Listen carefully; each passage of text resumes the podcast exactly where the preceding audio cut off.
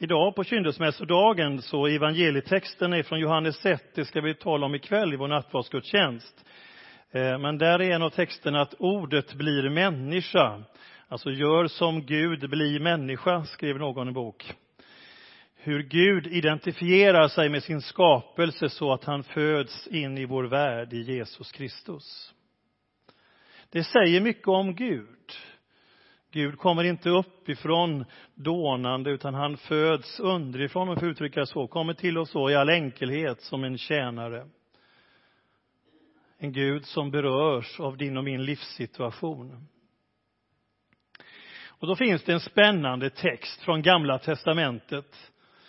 Jag har vidrört här om söndagen. Det är den eh, bok som eh, Jesus säger att det här är det enda tecken ni ska få om min död och uppståndelse.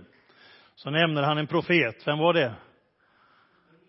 Ja, det skulle det kunna vara. Men det var faktiskt Jona var det. Ja, ni får Jona-tecknet, säger Jesus. Och han refererar till Jona bok. Den märkliga, förundliga boken om en stad som vänder om till Gud. Och ni vet att Jona är först lite, han är den motvillige missionären om man säger så. Han vill först inte riktigt nappa på det här uppdraget. Men efter diverse turer på sjön så säger han, nu så är jag redo. Ja. Och då säger Jesus att, ja, vi kan fundera ibland på, kan det här verkligen ha hänt, det man läser i Jona bok? Men Jesus refererade till historiska händelser, både staden Nineves omvändelse och Jonas båtturer och fisktur och så vidare. Ja. Ska vi läsa Jona bok lite grann därur, från eh, Jona kapitel 3 där eh, Gud säger så här till profeten Jona. Jona bok, om du har Bibeln med dig. Hosea, Joel, Amos och Badja och sen kommer Jona. Ja. Så kommer Jona, den lilla boken där. Vi läser det. För andra gången kom Herrens ord till Jona. Bege dig till Nineve, den stora staden, och förkunna vad jag befaller. Och Jona gav sig iväg till Nineve så som Herren hade sagt. Nineve var en oerhört stor stad och det tog tre dagar att färdas genom den. Jona började gå genom staden och han gick en dag och sen förkunnade, om 40 dagar ska Nineve förstöras. Folket trodde på vad Gud hade sagt. De utlyste en fasta och alla, stora som små, klädde sig i säcktyg. När Nineves kung fick höra vad som skett steg han upp från sin tron, tog av sin mantel och svepte sig i säcktyg och satte sig i gruset. Och i Nineve kungjordes ett påbud från kungen och hans råd. Inga människor och inga djur, varken får eller kor, får äta och dricka, gå i bet eller vattnas. Både människor och djur ska bära säcktyg och ropa högt till Gud. Var och en ska upphöra med sin ondska och sina övergrepp. Kanske kommer Gud att ångra sig och stilla sin vrede så att vi inte går under. När Gud såg vad han gjorde, att de upphörde med sin ondska, avstod han från det onda han hotat dem med, och han lät inte ske. Då blev Jona mycket missnöjd. I vredesmod bad han till Herren. Herre, var det inte det jag trodde redan där hemma? Det var ju därför jag ville fly till Tarsis förra gången. Jag visste ju att du är en nådig och barmhärtig Gud, sen till vrede och rik på kärlek, beredd att ångra det onda du hotat med. Så ta mitt liv, Herre. Det är bättre för mig att dö än att leva. Herren sa, har du skäl att vara vred? Jona lämnade staden och slog sig ner öster om den. Där byggde han sig en hydda, så att han satt i skuggan medan han väntade på att få se hur det skulle gå med staden. Herren Gud lät nu ett kurbitsträd växa upp över Jona. Det skulle skugga hans huvud och befria honom från hans missnöje. Jona blev mycket glad över kurbitsen. Men i gryningen nästa dag lät Gud en mask angripa trädet och det vissnade ner. Och i soluppgången lät Gud en glödhet östanvind blåsa och solen brände Jonas huvud. Han var nära att svimma och önska sig döden. Det är bättre för mig att dö än att leva, sa han. Då frågade Gud honom, har du skäl att vara vred för kurbitsens skull? Jonas svarade, jag har alla skäl i världen att vara vred. Herren sa, du bekymrar dig för ett träd som du inte har lagt ner något arbete på och som du inte själv fått att växa, som kom till på en natt och försvann på en natt. skulle då inte jag bekymra mig om Nineve, den stora staden, där det bor över 120 000 människor som inte ens kan skilja på höger och vänster och dessutom många djur. Herre, jag tackar dig för ditt levande ord. Tack att du har ett ärende till oss och vill tala till oss genom ditt ord. Vi beder så i Jesu namn. Amen. Ja, det är en märklig och spännande och fascinerande berättelse. Eh, den är intressant därför att Jesus refererar till Jona. Och ni vet, jag påminner för en söndag sedan när man diskuterade om Jesus verkligen kunde vara en profet. Han kom ju ifrån Galileen och då sa man ju till eh, de som funderade på detta, Nikodemus och andra, ni vet väl att det kommer ju ingen profet ifrån Galileen. Ni har väl läst ordentligt i skrifterna, sa översteprästerna och rådsherrarna där och de skriftlärde. Det var ett argument, men de hade ju själva faktiskt inte läst på ordentligt för att Jona, han kom ifrån Galileen. Så det fanns ett litet släktskap så, Jesus och Jona. Och sedan så är Jona den enda hedna missionären, om vi får uttrycka det så, i Gamla testamentet. Den som går utanför sin egen folkgrupp. Vi vet ju att Israel hade ett uppdrag att presentera den levande guden för andra folk. Men man var inte riktigt så på hugget med det. Man var inte så förtjust att beblanda sig med hedningar. Så eh, man såg ju dem som rituellt orena, man kunde inte röra och befatta sig.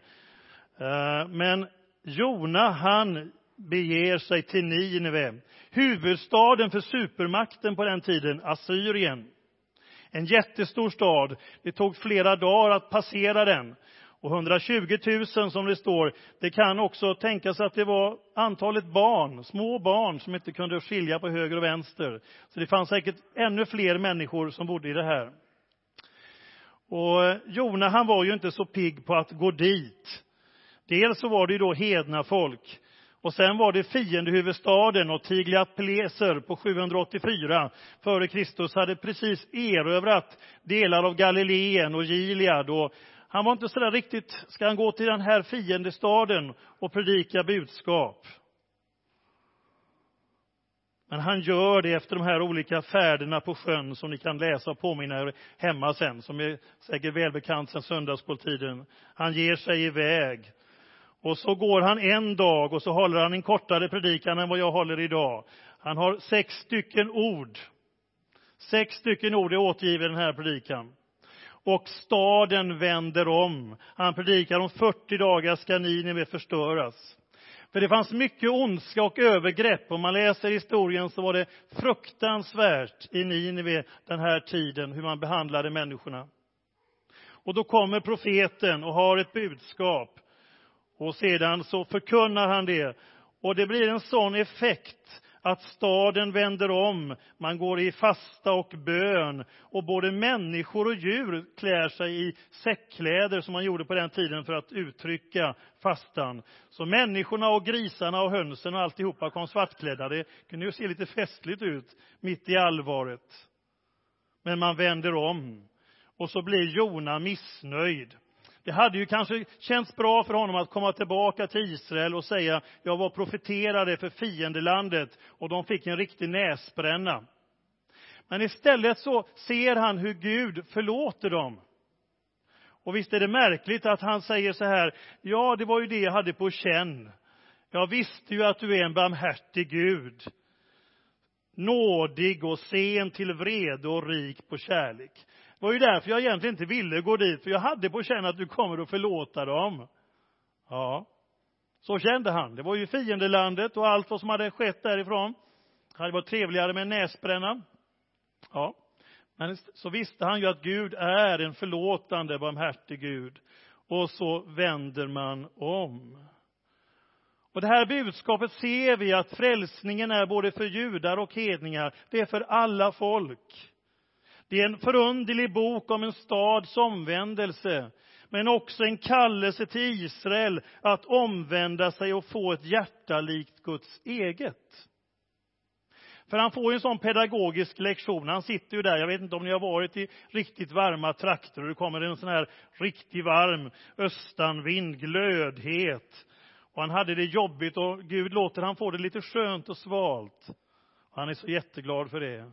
Och sen så tar Gud bort den här och så blir det jättejobbigt för profeten och då tycker han, han är fullt upptagen med det här att det, det är verkligen synd om mig. Och då säger Gud, det må så vara, men tycker du inte verkligen att det verkligen är synd om folket i Nineve? Som inte kan skilja på höger och vänster och en djur i mängd. Det står i Bibeln att Gud bryr sig om både människor och djur. Och vill du ha en stark text om Guds syn på djuren så säger Jesus i Matteus evangeliet att inte ens en sparv faller till marken utan att Gud vet om det. Och det står i grundtexten till och med så här, utan att Gud är med i fallet. Alltså Gud känner av när lilla sparven trillar av pinn. Hur mycket mer, säger Jesus, ser inte Gud ditt och mitt liv? Så kallelsen är till Israel att få en del av Guds hjärta. En älskande, förlåtande och nådig Gud.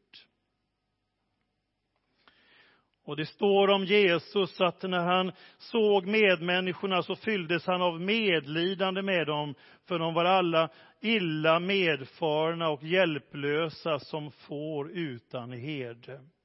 Han berördes.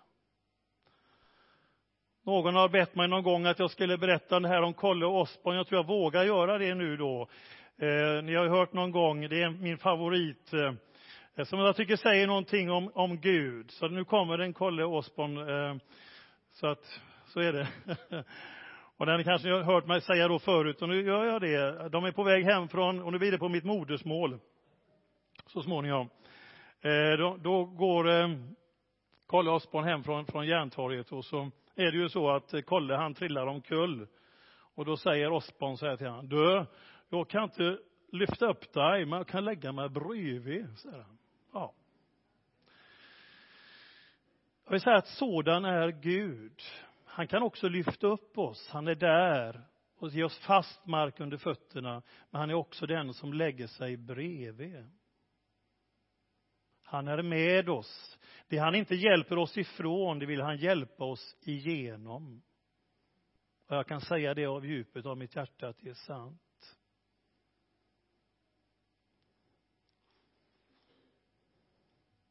När man ska skildra en väckelse, nu är det väckelse i Tomelilla och kristen press kommer dit. Hur ser bilden ut då i tidningen? Ofta. Jo, man ser någon med lyfta händer och som blundar. Har ni sett sån bild? Ja, det är väckelse i Tomelilla.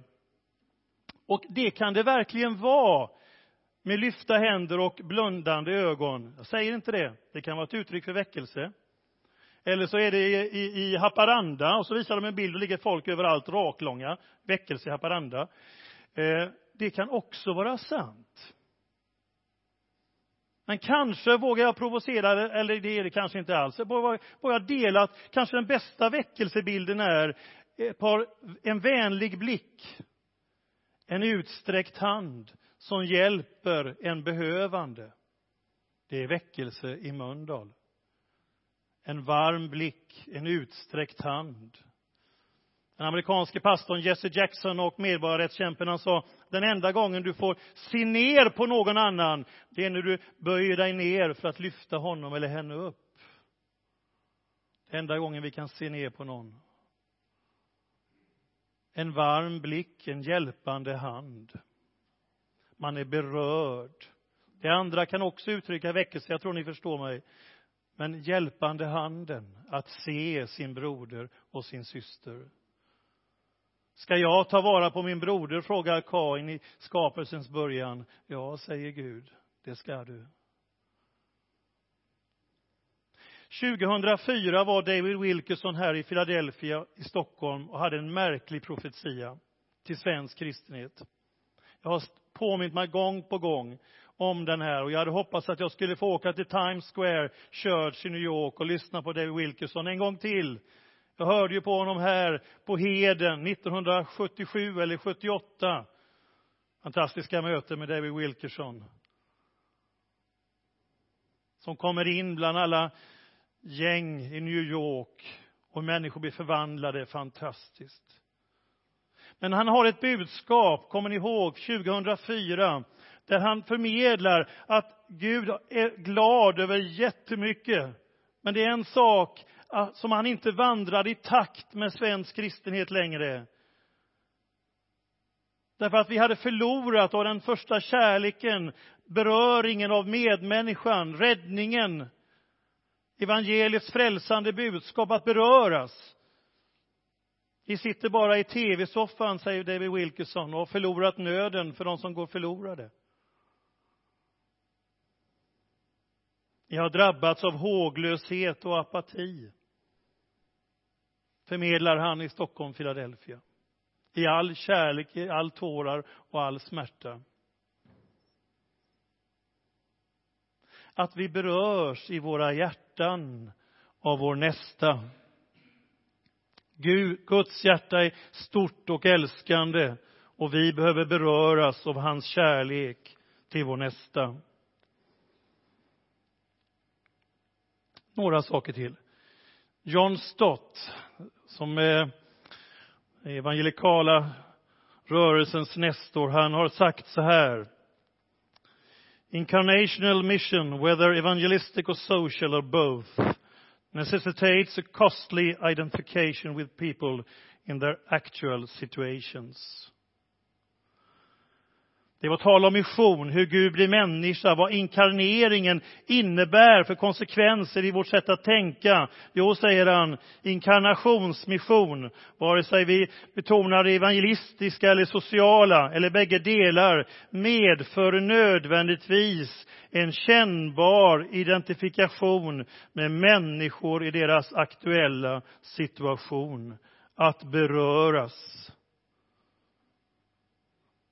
1877 så reste en belgisk katolsk präst, fader Damien, till Lepraön Molokai i Stilla havet för att han ville förmedla de goda nyheterna. Och efter tio års outtröttligt arbete för att hjälpa de leprasjuka och förkunna evangelium, praktiskt och socialt, så kunde han inte längre efter tio år inleda sin predikan som man brukar säga, kära leprasjuka, utan han fick säga, vi leprasjuka.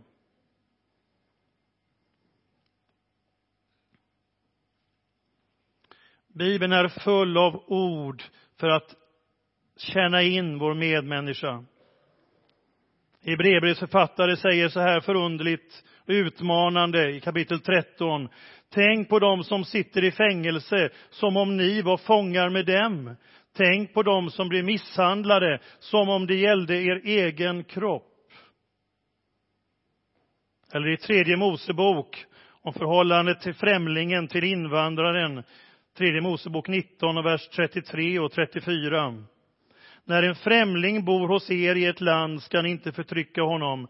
Främlingen som bor hos er ska räknas som en infödd ibland er. Du ska älska honom som dig själv. Ni har ju själva varit främlingar i Egyptens land. Jag är Herren, er Gud. Och i femte Mosebok kapitel 10 från vers 18 Gud är en Gud som inte har anseende till personen och inte tar mutor, som skaffar den faderlös och änkan rätt och som älskar främlingen och ger honom mat och kläder. Därför ska ni också älska främlingen. Ni har ju själva varit främlingar i Egypten.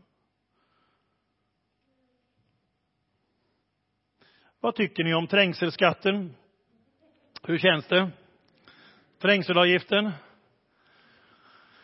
Jag vet att Janne tycker att den är bra. Jag sökte dig, jag vet tummen upp. Du gillar den, Janne. Jag tycker också att det verkar käckt. Det är bra med nya investeringar vi kan göra. Och de som behöver köra verkligen i stan tycker att det här är toppen, eller hur, Janne? För att det är inte alls samma köbildningar. Nej. Och eh, jag träffade någon på second hand-butiken som till varje pris skulle kunna hitta någon väg undan alla de här kamerorna. Han sa att han hade hittat den. Så är ni intresserade av det så kontakta mig. Men det vore intressant med trängselavgift i kyrkan. Vad säger ni om det? Tänk om vi hamnar där. Klockan elva är det, då är det väldigt många. Ni får komma lite klockan tre istället. Ja, det kan man ju naturligtvis inte ha, men om man leker med tanken ändå. Här kommer det människor, vi får ha trängselavgift. Ja. Det kanske inte funkar ännu. Vi får se. Men det finns vägmärken, det vill jag påstå, i församlingen. Det finns trafikskyltar. De står inte i Bibeln uttalade, men jag vågar påstå att de finns där. Det finns en stoppskylt. Det står stopp. Var är den skylten uppsatt någonstans? Jo, den är uppsatt mellan Jerusalem och Jeriko. I den farliga kurvan till höger där så många överfall har skett. Där står ett stopptecken. Där finns någon som är behov som vi måste möta, trots den risken det innebär. Det finns gulröda trianglar här inne i kyrkan. Lämna företräde. Vilka ska vi lämna företräde till, säger Bibeln. Har vi några förslag? Den fattige, främlingen, änkan, änkemannen, den fader och moderlöse, den betryckte, den sjuke, den handikappade. Den som kommer till oss från ett annat land. Eller hur? Där lämnar vi företräde. Och så finns det blå skyltar, påbudsskyltarna. Ni ser väl dem? Här går man, här är vägen, här cyklar man. Jesus ord som får prägla oss och forma oss till varma Kristusbrev i en ofta hotfull och människovänlig tillvaro så finns det blåa påbudsskyltar. Där Jesus säger, jag var hungrig, ni gav mig att äta. Jag var törstig och ni gav mig att dricka. Jag var hemlös och ni tog hand om mig. Jag var naken och ni gav mig kläder. Jag var sjuk och ni såg till mig. Jag satt i fängelse och ni besökte mig. Och lärjungarna säger förvånat, när såg vi dig detta? Då säger Jesus, vad helst ni har gjort för någon av dessa minsta som är mina bröder, det har ni gjort för mig. Amen.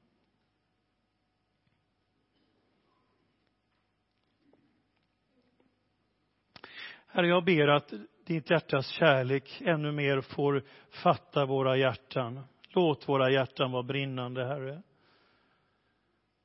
Här är det så lätt att vi, vi gläds och njuter över livet och allt sånt som är gott och lovligt och rätt och riktigt. Tackar dig för livets gåva, Herre, och du har gjort det så för att vi ska kunna få njuta och vara glada över livet. Det får vara gott att leva.